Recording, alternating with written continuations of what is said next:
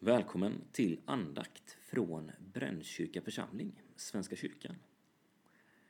Vi sänder i närradion Radio Sydväst 88,9 varje dag klockan 7.30 på morgonen och klockan 22.00 på kvällen. På fredagar bara klockan 7.30. Och jag som finns med er här idag heter Erik Stenseke och jag arbetar som webbredaktör i församlingen. Det innebär bland annat att jag sköter om vår hemsida www.brandkyrka.org våra sociala medier Facebook, Instagram med mera och att jag i största allmänhet försöker nå ut med vad vi gör och vad vi tror på nätet. Dagens andakt kommer bestå av bibelläsning, lite tankar kring bibelläsningen, lite musik och en avslutande bön. Men först en kort introduktion. Internet är en plats med ett extremt högt tempo och där människor har ett extremt kort uppmärksamhetsspann.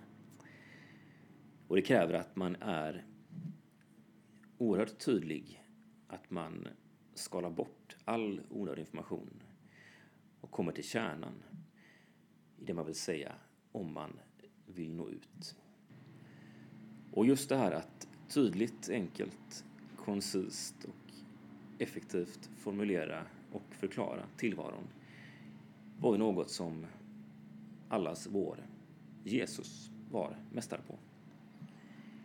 Jesus använde ofta liknelser. Han använde ett eh, vardagligt språkbruk med gestalter människor kände till och situationer man kunde relatera till för att förklara hur, hur allt låg till. Och även om de har 2000 år på nacken är många av de här liknelserna fortfarande enormt kraftfulla ända in i våra dagar. Många av dem kan förstås bara genom en mening eller rent av genom ett fotografi. Vi har till exempel liknelsen om herden som inte ger sig förrän han hittat det där bortsprungna fåret. Eller liknelsen om fadern som tar emot sin förlorade son med öppna armar trots att sonen svikit familjen. Och så finns det liknelser som är lite knepigare att förstå, som kräver lite mer eftertanke för den som läser dem. Och till den kategorin hör den liknelse som förekommer i den här söndagens evangelietext. Nionde söndagen efter trefaldighet. Den dyker upp i Lukas evangeliet kapitel 16, verserna 1-13. Strax efter berättelserna om den förlorade sonen och det förlorade fåret. Men innan jag läser den tänkte jag passa på att förklara lite hur det funkar för dig som inte är så van vid kyrkan. Varje söndag har tre bibeltexter. En gammaltestamentlig text som utspelar sig under århundradena innan Jesus trädde fram.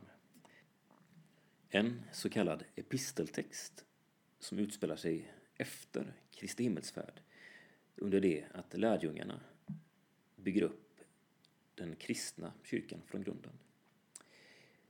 Och en text från något av de fyra evangelierna.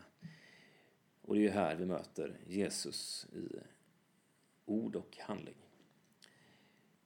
De här tre texterna sätter sedan tonen för hela söndagens gudstjänst. I allt ifrån predikan till musik, salmer till kyrkorummets utformning. Ett enkelt tips som förhöjer hela gudstjänstupplevelsen det är att läsa de här texterna innan gudstjänsten.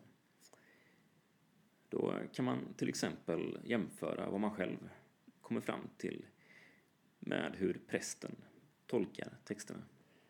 Och hela kyrkobesöket ses med lite nya ögon. Alla aktuella texter finns att se på kyrkoåretstexter.se kyrkoåretstexter.se Och om du inte har någon bibel själv kan du läsa dem gratis på bibeln.se. Men nu har det äntligen blivit dags att eh, se vad det egentligen står i dagens evangelietext. Lukas kapitel 16, verserna 1 till 13. Jag läser. Han sade också till sina lärjungar. Det var en rik man som hade en förvaltare och denne beskylldes för att förskingra hans förmögenhet. Mannen kallade till sig honom och sa Vad är det jag hör om dig? Lämna in dina räkenskaper, du kan inte vara kvar som förvaltare. Förvaltaren tänkte Vad ska jag göra nu när min herre avskedar mig? Gräva orkar jag inte och tigga skäms jag för. Jo, jag vet vad jag ska göra så att folk tar emot mig i sina hus när jag mister min tjänst. Han skickade efter dem som var skuldsatta hos hans herre, en i sänder, och frågade den första hur mycket han var skyldig. Hundra krus olja, svarade mannen. Då sa han, här är ditt skuldebrev. Sätt dig genast ner och skriv femtio. Sedan frågade han näste man. Och du, hur mycket är du skyldig? Hundra tunnor vete. Då sa han, här är ditt skuldebrev. Skriv åttio. Och Herren berömde den ohederlige förvaltaren för att han hade handlat klokt. Denna världens människor beter sig klokare mot sina egna än ljusets människor gör. Ja, jag säger er, använd den ohederliga mammon till att skaffa er vänner som tar emot er i evighetens hyddor när mammon lämnar er i sticket. Den som är trogen i smått är trogen också i stort och den som är ohederlig i smått är ohederlig också i stort. Om ni inte har varit trogna i fråga om den ohederliga mammon vem vill då anförtro er det som har verkligt värde? Och om ni inte har varit trogna i fråga om andras egendom, vem vill då ge er det som ska tillhöra er? Ingen tjänare kan tjäna två herrar. Antingen kommer han att hata den ene och älska den andra, eller att hålla fast vid den ene och inte bry sig om den andra. Ni kan inte tjäna både Gud och mammon. Så lyder det heliga evangeliet. Lovad vare du, Kristus. Slutklämmen känner ni kanske igen. Ni kan inte tjäna både Gud och mammon. Mammon är ju ett eh, arameiskt uttryck för pengar, materiellt välstånd. Men i övrigt så är väl den här liknelsen och det här bibelordet kanske inte det som likt en spjutspets tränger sig in i medvetandet och förklarar tillvaron för oss. Det finns lite olika saker att ta med sig. Mammon, pengar, är något flyktigt som vi bör använda för att skapa bestående värden. Värden som finns kvar när pengarna är borta. Vi ska vara trogna, pålitliga. Och vi kan inte tjäna två herrar. Vi ska inte sätta mammon, pengarna, före Gud.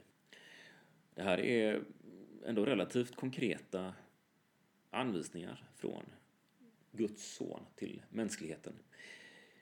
Men presentationen av dem kanske inte riktigt förstås av 2000-talsmänniskan på samma sätt som, som andra liknelser.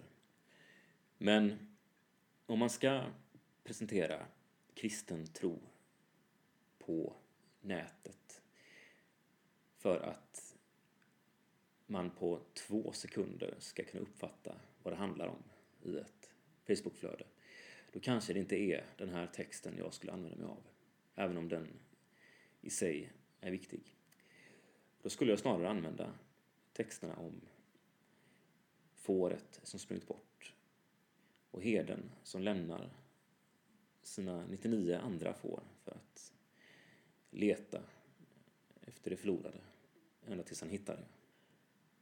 Eller fadern som älskar sitt barn så villkorslöst att trots att det svikit honom tar emot barnet med öppna armar och säger att jag har längtat efter dig.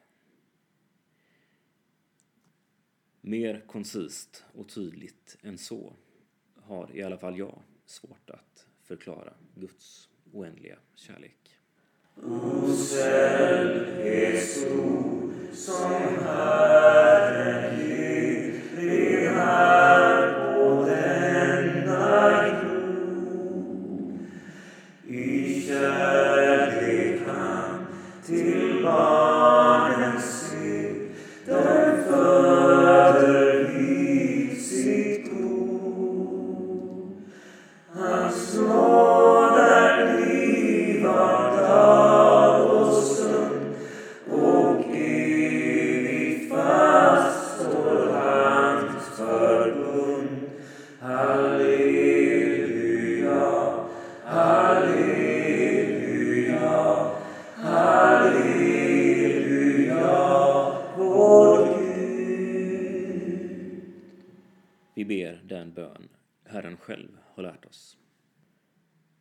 Vår Fader, du som är i himlen.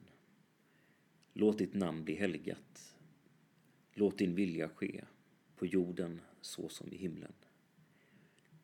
Ge oss idag det bröd vi behöver och förlåt oss våra skulder, liksom vi har förlåtit dem som står i skuld till oss. Och utsätt oss inte för prövning, utan rädda oss från det onda. Ditt är riket, din är makten och äran i evighet. Amen. Vi läser välsignelsen tillsammans. Herren välsigne oss och bevara oss. Herren låter sitt ansikte lysa över oss och vara oss nådig. Herren vände sitt ansikte till oss och give oss frid. I Fadern, Sonen och den heliga Andens namn. Amen.